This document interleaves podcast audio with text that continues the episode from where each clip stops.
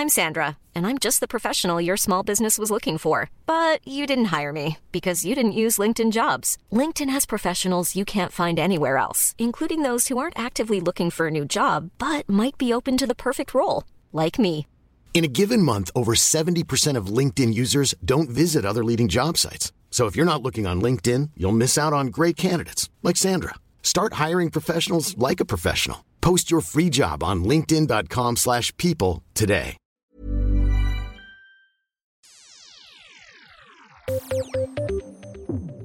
Redaktør er kritisk til at Ytringsfrihetskommisjonen nå inviterer det kontroversielle nettstedet Resett til å tale på sitt innspillsmøte for mediebransjen. Burde Ytringsfrihetskommisjonen unngått å invitere Resett til sitt innspillsmøte? Det er et prinsipielt problem at offentlige personer blir utsatt for såkalt kanselleringskultur, mener FrPs kulturpolitiske talsperson Himanshu Gulati. Har han et poeng? Den offentlige debatten oppfører seg som om den er dritings, sier scenekunstner og forfatter Kamara Lundestad Jof til Morgenbladet. Har vi sluttet å oppføre oss i offentligheten? Du hører på Etikk og estetikk med produsent Adrian Eriksen, researcher Peter André Hegg og programleder Danby Choi. Jeg skal straks introdusere dagens panel, men først noen ord fra våre annonsører. Oslo Jazzfestival er rett rundt hjørnet og går av stabelen fra 16. til 22. august med bl.a. Ola Kvernberg, Harald Lassen, Susanna, Karin Krogh og Hanna Paulsberg, Veslemøy Narvesen og bestillingsverk fra Kim Myhr. Sjekk ut oslojazz.no for mer informasjon.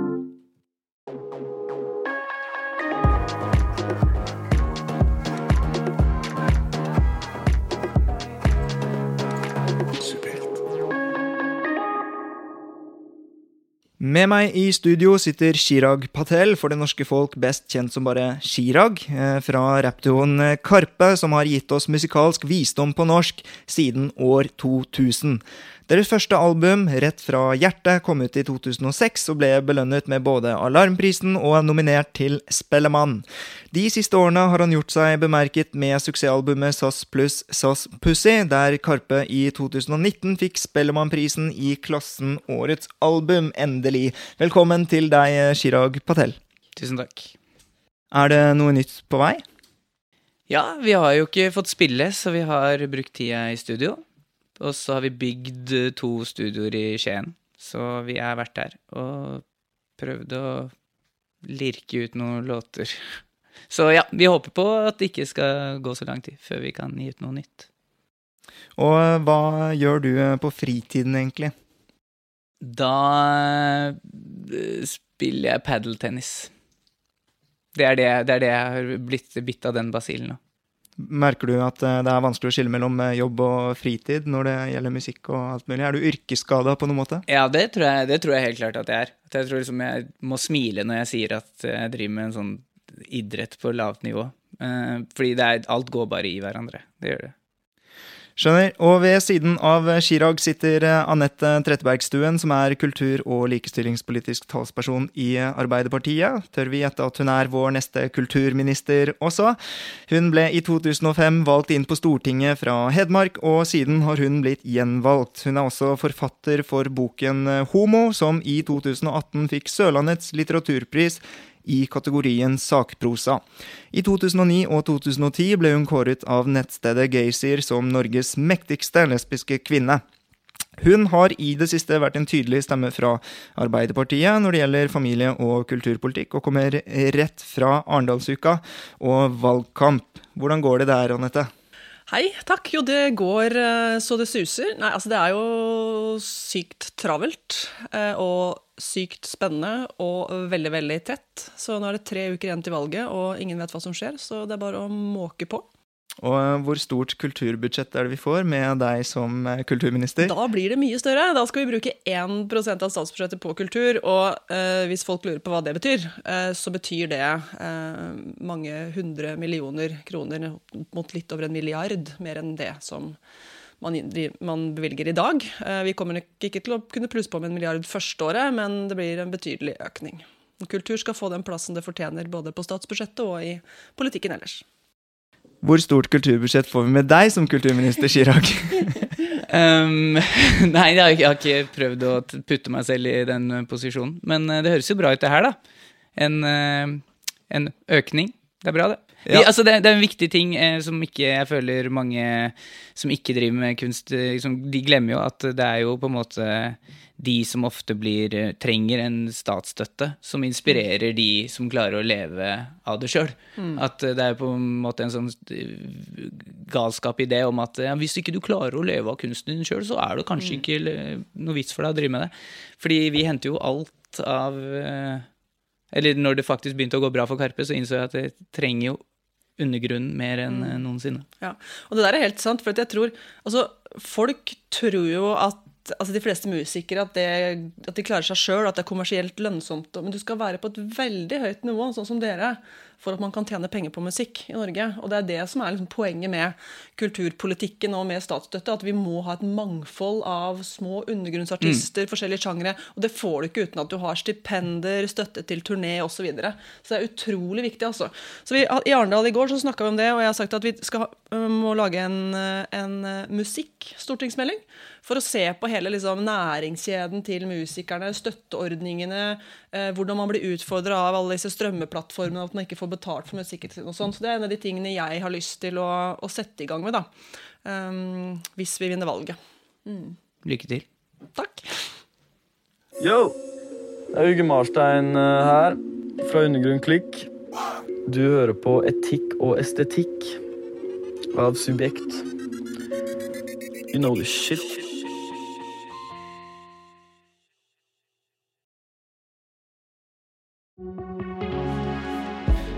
Redaktøren i Filter Nyheter, Harald Klungtveit, er kritisk til at Ytringsfrihetskommisjonen nå inviterer Resett til sitt innspillsmøte for mediebransjen.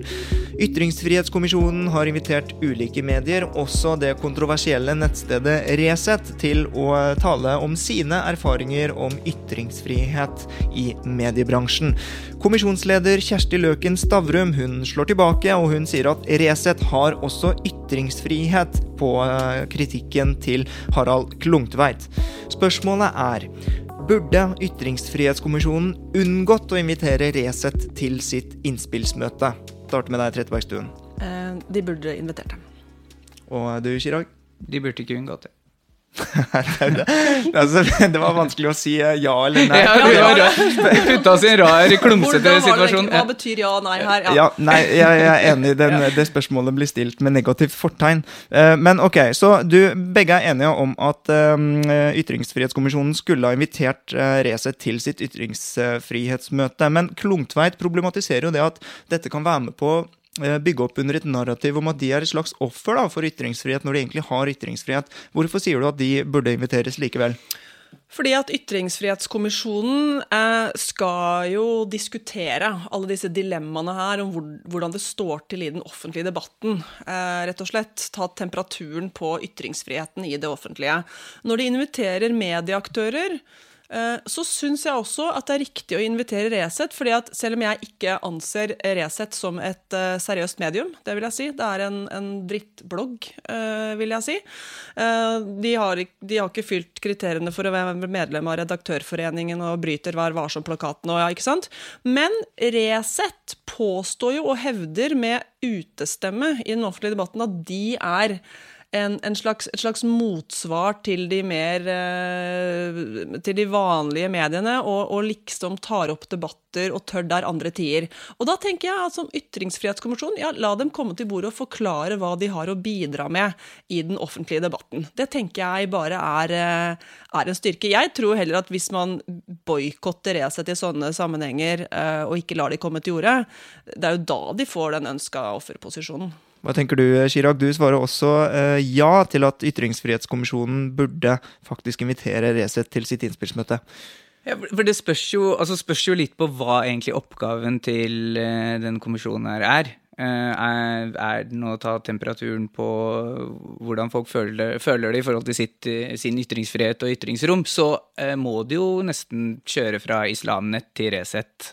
Og det er en skitten jobb, jeg, men noen må gjøre den. Men, det blir ikke meg, men, eh, men eh, ja. Så nå må det jo sies at jeg er jo den ene delen av duoen Carpe Diem som ikke ble spurt om å sitte i denne kommisjonen, så alle mine svar bærer jo et preg av veldig sjalusi ja. og vonde følelser. Men, ja, Men, for, eh, ja, men tenker du det? Hadde, har du egentlig lyst til å sitte i den Eller hadde du sagt Nei. ja? Nei, eh, nei, jeg hadde ikke sagt eh, ja, og eh, litt på grunn av sånne her type ting. Jeg, kunne ikke forutsett eh, alt sirkuset som har vært nå, men det er, jo, det er jo noe med at jeg tror ikke jeg hadde vært den rette personen til å Jeg hadde ikke klart å holde maska helt, kanskje, i dette høringsmøtet. Får du noe sånn overhørt fra disse møtene og sånn fra din eh, Nei, der kollega? er det noen strenge regler, og han er eh, liksom virkelig en sånn prinsipplojal eh, person på sånne type ting. Jeg tror han, han eller vet at han er veldig ryddig på det, så, men det er, det er greit også å slippe å høre om det.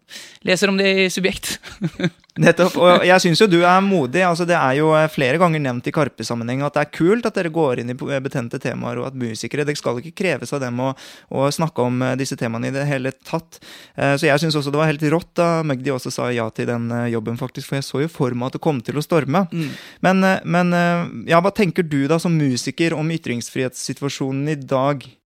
Jeg syns at vi som norske rappartister er veldig, veldig heldige. Eller jeg opplever det som liksom eh, Og så har jeg en tendens til å sammenligne med utlandet pga. bakgrunn og sånne ting. Så eh, ja, jeg syns det Jeg føler meg veldig fri når jeg får lov til å skrive. Og så skal det jo sies, for å komme litt tilbake til den eh, tematikken her, at ytringsfriheten den er jo aldri utfordret blant oss som er i majoriteten, blant oss som har trygge meninger osv. Så, videre. så det er jo som Chirag også påpeker, blant liksom gjerne islam, nett eller rundt Sian eller rundt Resett og sånn, at begynner, man begynner å tråkke Man kjenner det. Eh, trykket, da. Det er der skoen trykker. Og, og det er jo derfor eh, Resett eh, har møtt veldig mye Um, motstand, og derfor også redaktøren Harald Klungtveit i Filter Nyheter uh, går ut mot dette. Men hva tenker dere da at uh, kanskje en sånn kritikk kan bidra til å skape det offernarrativet til Resett? Ja, absolutt. De liker jo å være underdog og være beskyldt og, og, og bli slengt dritt om. Det beste ville vært om vi bare klarte å overse de og ikke klikke inn på sakene deres. Det ville vært det verste for dem, og det beste for offentligheten. Eh, Men eh, de er der, og så lenge de er der, så tenker jeg at vi må ta de på alvor på den måten at vi må også la de slippe til, for de skal ikke få det på oss også.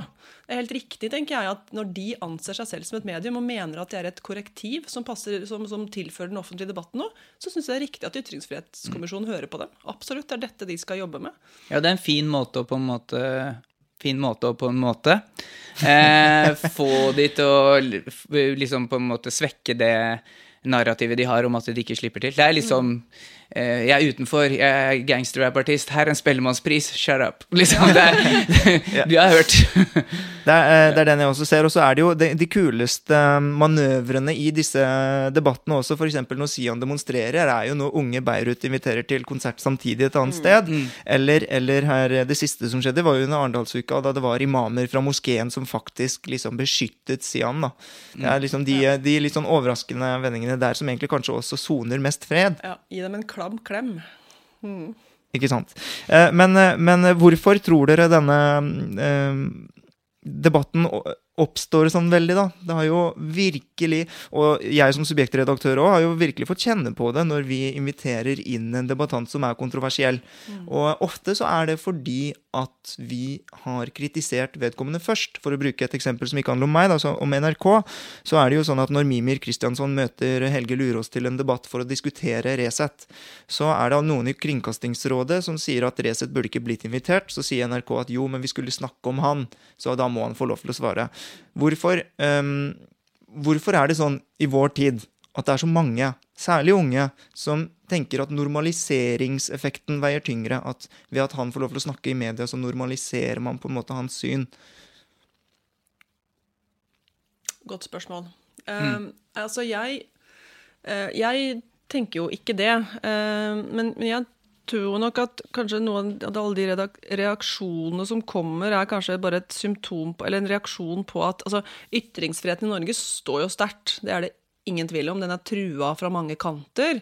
Men ytringsklimaet har jo forsurna seg noe kraftig og blitt eh, ganske ille etter hvert. Jeg tror nok at altså, det, det, å, det å stå i en debatt, det å motta kritikk, det ser annerledes ut nå eh, enn det gjorde for noen år siden, egentlig, pga. debattklimaet, og at man lett kan da tenke at la oss, la, ikke la de slippe til, eh, jeg blir krenka eh, at, at, det er noe her, da, eh, som, som, jeg tror, som, jeg, som jeg ikke liker helt.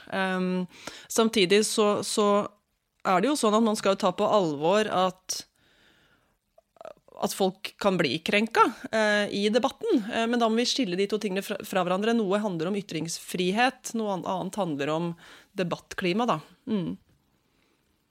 Jeg, jeg, skjønner, jeg, skjønner, at mange unge tenker at hvis de blir hørt, så sprer disse ideene seg. Det er jo logisk og sikkert sant.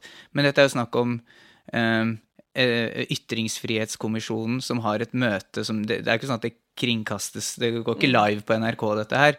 Så dems jobb er å finne ut hva, de, hva folk med upopulære meninger også tenker.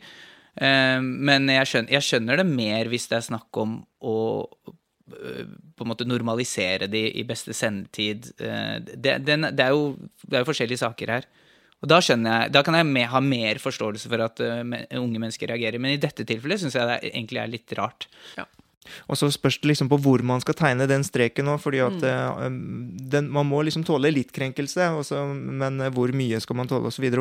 I den saken så er det gjerne, to teorier som både er blitt forsket for og forsket mot, som veier tungt. Da. Det ene er liksom den såkalte trykkokerteorien, som er at la Helge lure å snakke, så får han kritikk på TV eller i kommisjonen, og så liksom troll sprekker i solen, så er det ferdig. Mm. Eh, og så er det den andre som eh, noen kaller for virusteorien, da, som er slags at eh, nettopp den smitteeffekten det har når, når um, Helge Lurås er der på TV og snakker. Og, og, der så blir man jo aldri ferdig, fordi at det, folk med legitimitet og forskere bruker det mot hverandre. Men så må man spørre syns jeg, da, når programlederen skal begynne å mene noe om hva er det som gir oss um, mest til slutt. Altså Ytringsfriheten tillater Helge Lurås å snakke, men i tillegg alle andre også. sant? Så det er liksom Man får så mye utrolig igjen for den uh, verdien i forhold til den at man er redd for å bli smittet. da. Um, ja. ja. Samtidig kan man ikke ha debatt om en person eller et medium uten å la de få, uh, få tilsvar. Uh, så det er jo helt naturlig å la de stille i Dagsnytt 18 når de får kritikk. Det ville vært noe helt annet om om, eh, om eh, P2 inviterte Lurås til et eh, ja, sommer i P2 eller noe sånt noe. Det ser jeg på som veldig uaktuelt. Det ville nok ikke gjort. ikke sant. Men det som er at hvis de gjør det, så hadde de jo fått den kritikken, og så hadde man, så hadde man bare begynt på nytt, da, hvor man sier ja. hvorfor ikke det? Han har jo mange som liker han, osv. Ja. Men, men så er det også det at hvis de inviterer Helge Lurås, og så um, sier um, de at de hadde lyst til å invitere Helge Lurås så, så, så, begynner man å snakke om at kanskje det ikke, ikke engang en, en så tung institusjon som P2 kan manøvrere akkurat som de vil, eller? Altså, de har jo øh, kjøreregler, de også, selvfølgelig. Uh, men jeg bare tror at Altså, jeg tror at det, det å Jeg syns ikke det er kritikkverdig. Det er ingen grunn til å kritisere noen for å få lov til å øh, forsvare seg selv i en debatt, og at den settes på dagsorden. Noe helt annet er det å invitere folk inn og la de få fritt spillerom. Nemlig. Statskanalen har, har, som oppgave eh, å, å, være en, en, ytringsplattform. Både for det som er eh, lite kontroversielt, og det som er kontroversielt også. Så NRK har jo eh, veldig stort handlingsrom der, selvfølgelig. Sånn skal det jo være. Så hvis jeg skal stille det spørsmålet en gang til og får et ja eller nei, burde Ytringsfrihetskommisjonen unngått å invitere Resett til sitt innspillsmøte? Nei. Nei, her òg. Vil du og din institusjon være synlig der hvor publikum leter etter den beste kunsten og kulturen? Nå kan denne reklameplassen bli din. Ta kontakt med annonse at subjekt.no for en uforpliktende prat om hvordan du kan nå ut til et stort og kulturkonsumerende publikum. Og med det kan vi gå over til neste tema.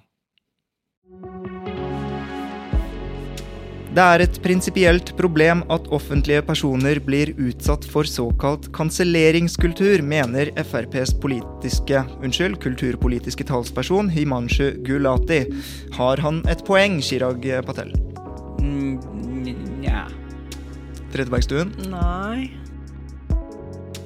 Da er dere altså uenige med Barack Obama. Hvorfor sier du nja? Um, uh, nå ble jeg usikker, siden du sa det. Hva sa jeg nja på nå? Så, uh, han sier at det er et problem at offentlige personer blir utsatt for såkalt cancel culture. Um, har han et poeng? Er det et problem? Jeg sier fortsatt nja. Mm. Og hvorfor, hvorfor er du så tvilende til det, Chirag? Nei, fordi at eh, jeg, eh, jeg skjønner jo at problemet med kanselleringskultur er jo nettopp det at det ikke er noe tilsvarsrett. Du er cancelled, det er et stempel, du er ferdig. Um, men jeg ser jo også, i hvert fall fra min bransje, da, så har vi jo på en måte en utvikling i skandinavisk hiphop som dreier seg veldig mye om å vise kriminalitet, vise vold. Eh, men til forskjell fra da jeg vokste opp, så er på en måte all f.eks. Eh, homobashing for å eh, vise seg selv som mer maskulin, den er luket vekk. Den er vekk. Og jeg tror at nesten må gi de kanselleringsaktivistene ganske mye kred for å få det vekk så kjapt som det faktisk har, de faktisk har klart. Og, så, så det, det, er jo på en måte et e, effektivt virkemiddel for sosial endring som er bra. For noen, I hvert fall for meg, da. Og i hvert fall for de det måtte gjelde. Fikk du med deg eh, jeg vet ikke hvem The det er, Baby. Da Baby ja. Mm.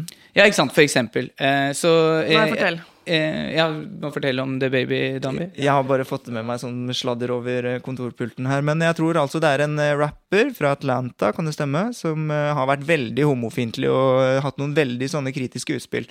Og egentlig helt idiotiske utspill, og det er jo til å spy av. Mm. Men så det er jo når man får de tilfellene man virkelig får prinsippene sine utfordret også. fordi at uh, han mistet jo da alle konsertgigs mm. og alt mulig sånn fremover. Og, og, det er jo ofte med et argument om at um, konsertstedet ikke kan uh, forbinde seg mm. med sånne type um, holdninger, da. Mm. Men da begynner man jo å spørre ok, men hvilke holdninger skal uh, konsertsteder Skal de ha holdninger? Og den debatten har jo du vært i før, til og med, Det stemmer, det stemmer. Kan du ikke oppsummere den? Uh, jeg uh, var med mitt ungdomsidol havnet i en Twitter-krangel som endte med at han blokkerte meg, Talib Kweli. Men det var at han skulle ha en konsert på Rockefeller. Han kansellerte samme dag fordi det skulle være en metallfestival der senere på året der tåke Altså, er det riktig å si metal? Er det svartmetall? Ja, jeg tror det. Mm. Svartmetallbandet Tåke skulle spille, og de har gjort noe sånn nazi-hilsen og gjort sånn, sånne ting som den type sjangerband gjør, for å provosere.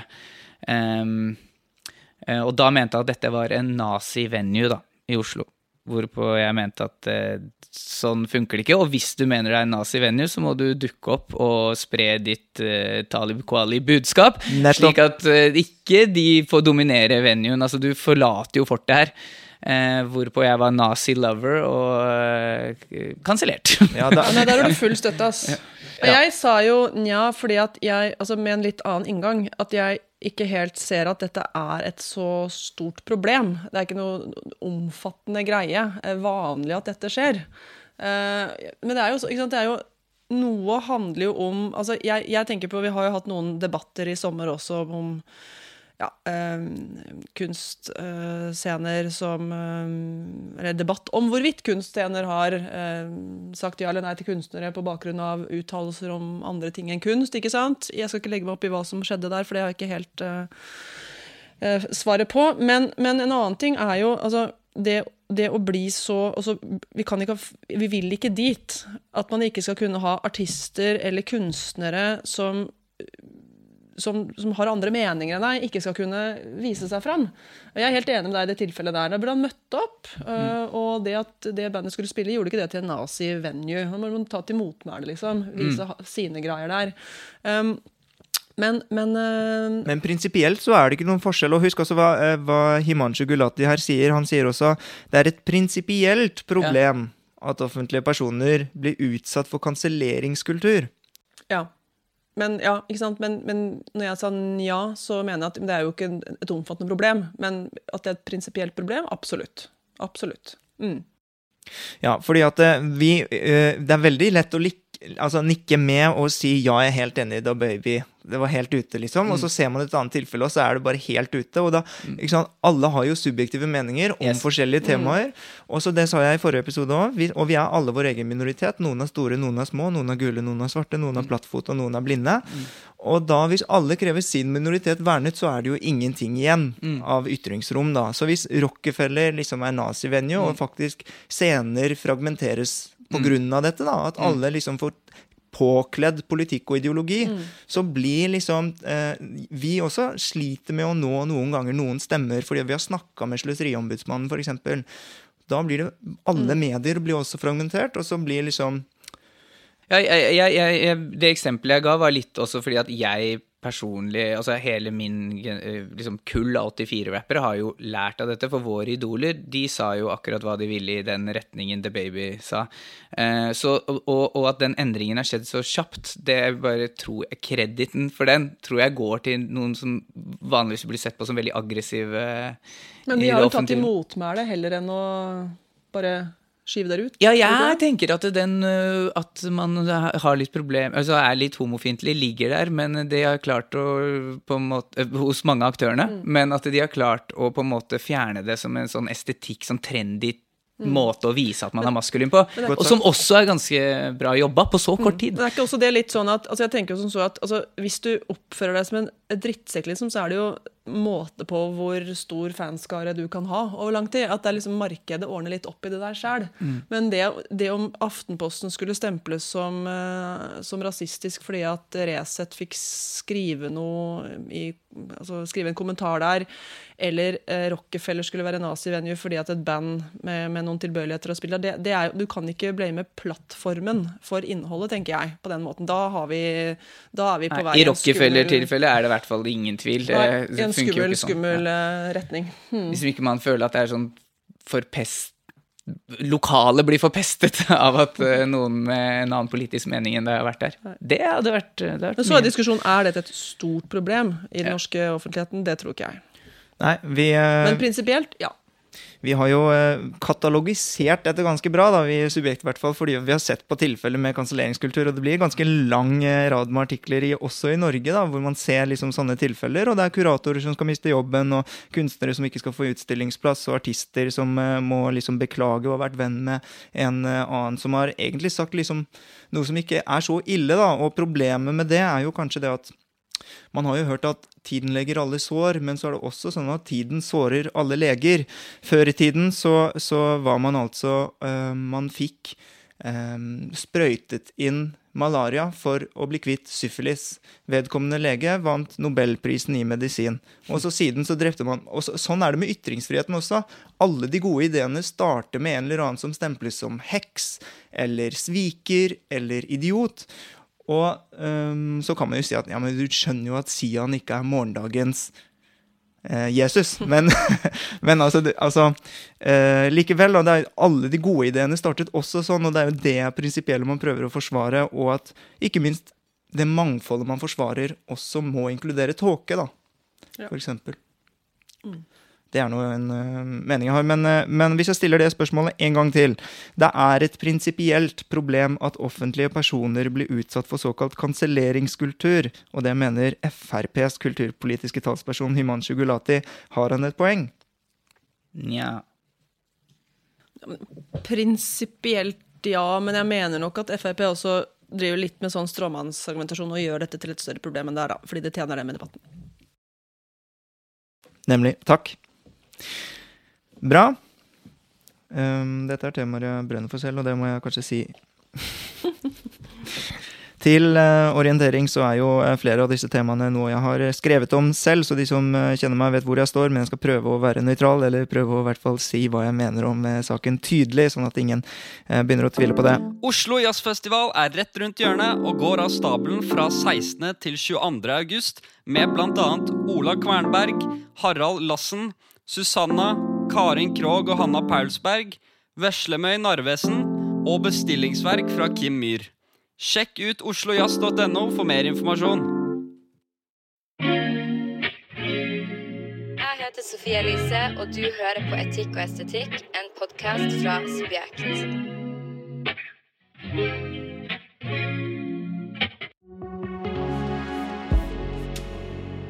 Den offentlige debatten oppfører seg som om den er dritings, sier scenekunstner og forfatter Kamara Lundestad Jof. Det sier hun til Morgenbladet. Spørsmålet er har vi sluttet å oppføre oss i offentligheten, Anette Trettebergstuen? Nei. Chirag? Ja, men det er ikke noe nytt. Altså, det er ikke slutt Altså, det er ikke en ny ting som Ja. har skjedd. Ja. Jeg må få utdype dette her, kjenner jeg. Det var litt vanskelig å svare ja, men, jeg, men nei ja, ja, ja. Du kjente det var vanskelig, i eh, Trettebergstuen, og hvorfor ja. det? Nei, fordi at Hva mener man da først, hva definerer man som den offentlige debatten? Altså, Den offentlige debatten vi som politikere deltar i, i debatter med andre politikere, i avisspalten og sånt noe? Eh, nei. Men det som har blitt en del av den offentlige debatten, med kommentarfelt og sosiale medier osv., at man er sin egen redaktør, og at, det er, at debatten er flyttet, eh, flyttet over på alles hender, eh, gjør jo også at, eh, at det blir mer gris, da, for å si det sånn. Men jeg vil også si det at det er bare en liten del av de som deltar i den offentlige debatten, som står for, for griseriet. Det er veldig betryggende å se at unge, f.eks., oppfører seg svært bra i den offentlige debatten og på sosiale medier. Det er liksom de gamle gub gubbene og kjerringene, liksom, som, som ikke klarer å, å, å te seg. Uh, så det er, ikke, det er ikke helt svart her, altså. Men det er klart at vi har fått et hardere ytringsklima. Det har blitt mer polarisert. Det skal mer til for å komme på. Man må spisse seg. Og det at du sitter Jeg husker da jeg skrev leserinnlegget i Hamar Arbeiderblad da jeg var 17 år, liksom, AUF-er. Uh, om ja, forskjellige tema, om Palestina-saken f.eks. Eh, så, så var det sikkert mange som tenkte, tenkte 'å, fy faen, jævla hore', når de leste at jeg var veldig pro Palestina-saken. Men, men sant, da måtte de jo sette seg ned, da, skrive et motsvar, eh, putte det i, et, i en konvolutt, og så innen de kom seg til postkassa, hadde jo det raseriet gått over. Men i dag så er det bare tre tastetrykk, og så er det der ute. Um, så, så det er noe med at den der, det, det er så umiddelbart, da reaksjonene er så umiddelbare og så synlige, um, at um, man rekker ikke å tenke seg om.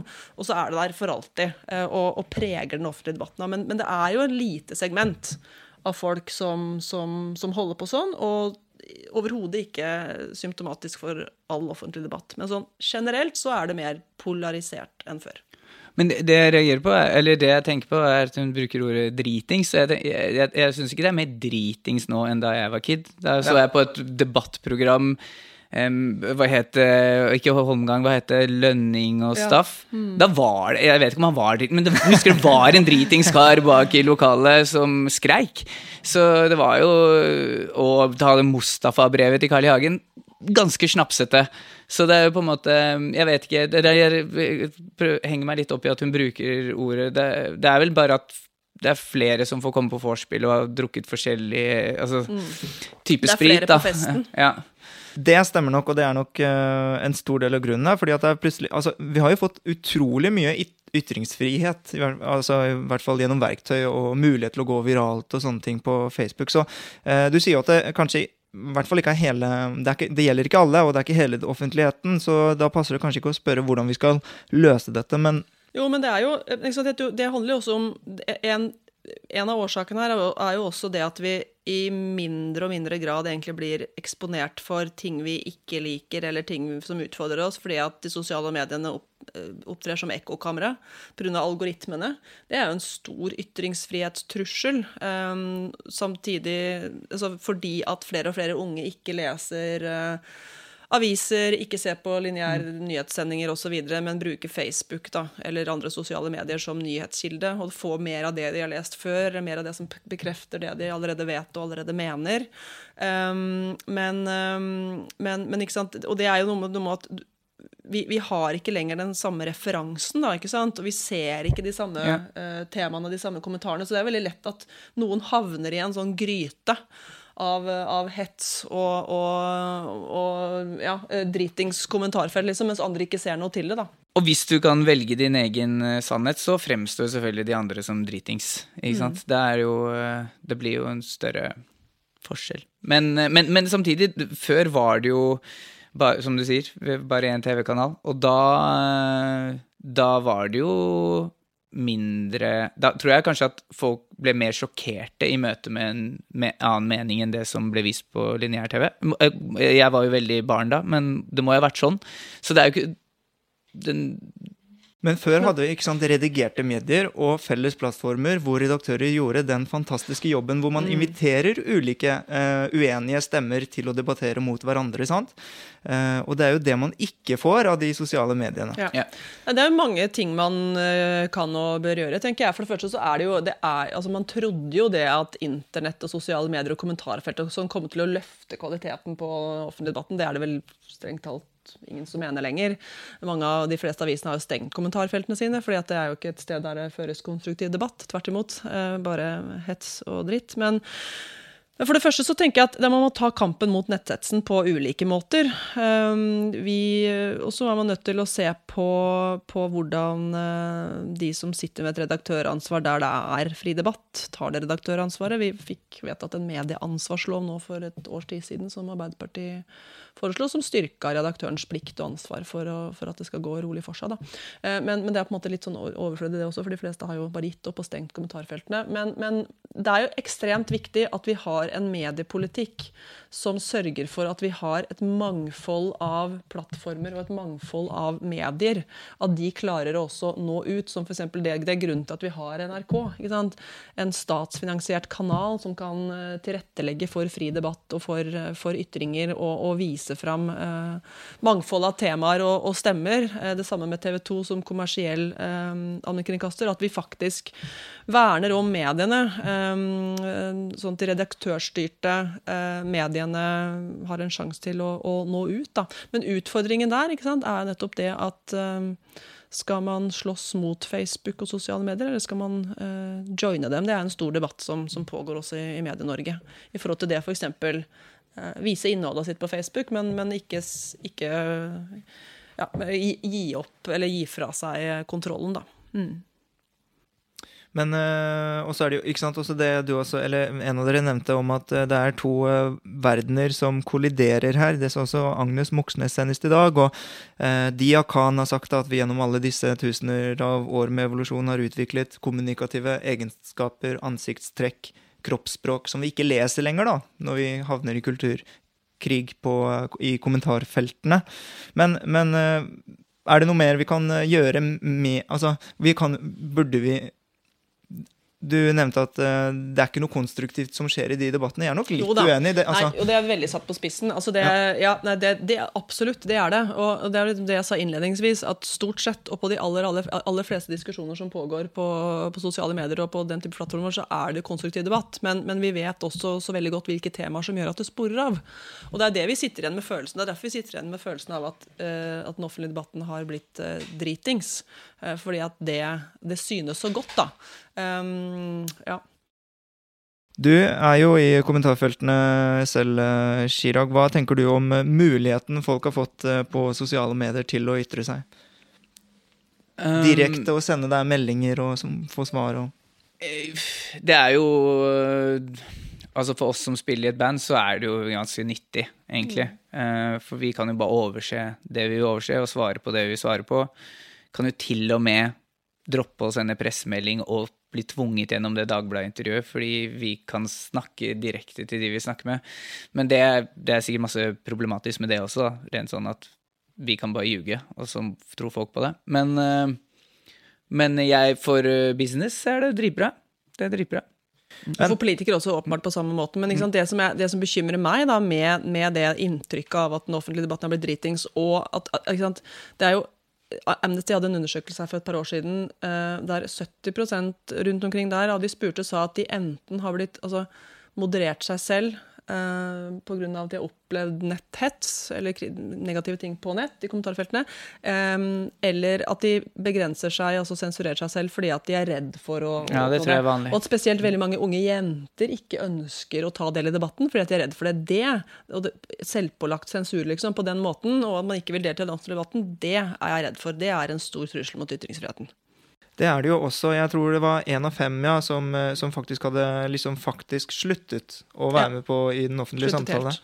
Og, og det er jo på grunn av at eh, man um, har et kommentarfelt som kanskje oppfører seg litt dritings, da, hvis man skal eh, legge Eller for, Mm. prøve å forstå det, eh, på en, altså det hun sier. Og, og hvis Eh, hvis den offentlige debatten og kommentarfeltene er sånn, hvordan skal man slå ned på det da? Fordi jeg vet at Arbeiderpartiet har foreslått at politiet skal eh, eh, gi forenklede forelegg, f.eks. For eksempel. Det mente Fritt Ord-direktør Knut Olav Åmås var en veldig dårlig idé. For da hadde man liksom et politi som sa nei, det er hets. Altså, til og med eh, høyesterettsdommere syns jo det er utrolig vanskelig å definere Ja. når noe er hets, og når det er en legitim Ja, ytring. vi da. foreslo at man skulle se på det. Altså, det er jo ikke noe man kan si ja eller nei til på en enkel måte. Det måtte man sett på om var mulig. Eh, så det var et sånn utredningsforslag, som høres ut som man sier det på politisk språk. Eh, I et forsøk på å finne tiltak. Et annet, et annet Men rett og slett en en ordning der en, du skriver noe på Facebook, og så får du ja, bot i posten. Hvis det da defineres uh, som hets, da, ikke sant. Um, men jeg tror nok også du har rett i det, at uh, da, ville, da ville politiet fått innmari mye å gjøre. Um, for hvis vi alle sammen der vi føler oss krenka og tenker at «Åh, nå ble hetsa, skulle si fra om det, så, så blir det veldig, veldig mange meldinger til politiet der. Men det er jo, dette er vanskelig, eh, og hvis noen der ute har noen forslag til hva vi kan gjøre, så ta imot de, altså. Vi hadde et sånt såkalt Dokument 8-forslag med ti tiltak mot netthets for et par år siden. Mm. Men dette var et, et forslag vi fremma for å kunne se på det. da. Hva kan man gjøre for at de, én av fem, som faktisk har sluttet å være med i den offentlige samtalen fordi at den er så vanskelig å stå i, hva skal man gjøre med det? Hvordan kan vi gjøre det Ja, det alle kan gjøre, er jo det som er liksom, ta- Ta liksom møkkajobben med å ta til motmæle, da. Altså Det tar jo tid, og det koster krefter å, holde på med det og ta til motmæle. Men det, det, hvis alle hadde gjort det et par ganger om dagen eh, eller i uka, så hadde det kanskje blitt litt lettere å delta for alle også. Um, men det er klart det er et langt lerret å bleke og noe som ikke, folk flest ikke gidder å bruke tida på. Jeg skjønner jo at folk bare lukker vinduet og, og går videre. Mm. Har du noen uh, konkrete forslag? Uh, nei, det syns jeg er vanskelig. Og så tenker jeg jo Jeg vet ikke om det er min fars stemme inni hodet, men det er ikke for alle. liksom, jeg, får, jeg skjønner at det er veldig trist, og de vi må tenke på, er liksom hvis det er unge mennesker som ikke tør å si noe. Det er faktisk en trussel trussel mot uh, ytringsfriheten. eh, og, men la oss si, i mitt tilfelle, da, siden du spurte om oss, eh, band, vi lager en låt, vi tøffer oss på låta da, bør, da ser det kommentarfeltet ut som det gjør, og jeg er en voksen mann. På, det, er, det, det er forskjell på situasjoner, da. Så jeg syns spesielt et uh, fokus på at unge mennesker, og spesielt jenter, ikke tør å si noe, det er et ekte problem. Men at uh, folk syns den siste plata di var døv, og skriver bare et stygt ord i Det, det, er, det er litt uh, Det føler jeg kommer med jobben, da. Men det- um, Ja, men det er jo også, ikke sant, det der med altså, um, det, det med at altså, Det at mange frykter hets, altså redselen for det, holder en tilbake. Da kunne jeg ønske liksom kunne gi folk eh, gutsen til å si ja, men du bare prøv. Men om en sak på Facebook, og så se, kanskje det går bra. ikke sant? Og det er sånn huden på en måte blir hardere òg. Så det er liksom litt vanskelig i forhold til en ung person. Jeg skjønner at det er veldig vondt å høre, men alle eldre personer som har på en måte vi beundrer nå, har jo gått igjennom det der. Mm. Uh, og det har aldri Har det vært en tid der det ikke har vært Nei, det er bare at alle har en tilgang. Og liksom, så Ja. må vi ikke glemme at de fleste bruker Facebook til helt vanlige ting. Legge ut bilder av kattene sine og Ja, ja. sin. De fleste driver ikke og sitter og hamrer løs på tastaturet ute etter noen å hetse. Siste episode hørte jeg at eh, Trine Skei Grande ringte opp. Eh, de, hvis det ble for ille. Ringte de direkte, og da ble det ofte stille. Du har gjort det? Ja, Ja. ja. Det fort. Ja. Ja. Så jeg hadde det aldri gjort. Man skal ikke se bort fra at noen også bare ønsker litt oppmerksomhet. vet du. Mm. Shit, de blir starstruck på telefonen når du ringer. Ja, det tror jeg ikke. Det er hun jeg hetsa. Hun ringer meg. Veldig bra, og da var vi gjennom eh, de tre temaene for i dag. Men det har jeg lyst til å si tusen takk til eh, Anette Trettebergstuen og eh, Chirag Patel. Neste uke venter også noen svært spennende eh, gjester på å delta i etikk og estetikk, så eh, jeg håper at du vil følge oss der hvor du hører på podkaster, det være seg på Spotify, Soundcloud, Apple Podcaster osv. Når det gjelder Apple Podcaster, så er det jo mulig å legge igjen en eh, review, eller en anmeldelse, som det heter på eh, godt norsk, med både stjernerangeringer og kommentarer om du vil. Det er veldig hyggelig om du legger igjen en eh, sånn stjerne, eller fem. Og eh, til da så vil jeg ønske dere en god uke, og også takke researcher Peter André Hegg og eh, vår eh, eminente produsent Adrian Eriksen, som står for eh, lyd, musikk og klipp i etikk og estetikk. Ikke minst også tusen takk til Stiftelsen Fritt Ord for støtte til podkasten, men også Subjekt siden den spede begynnelse.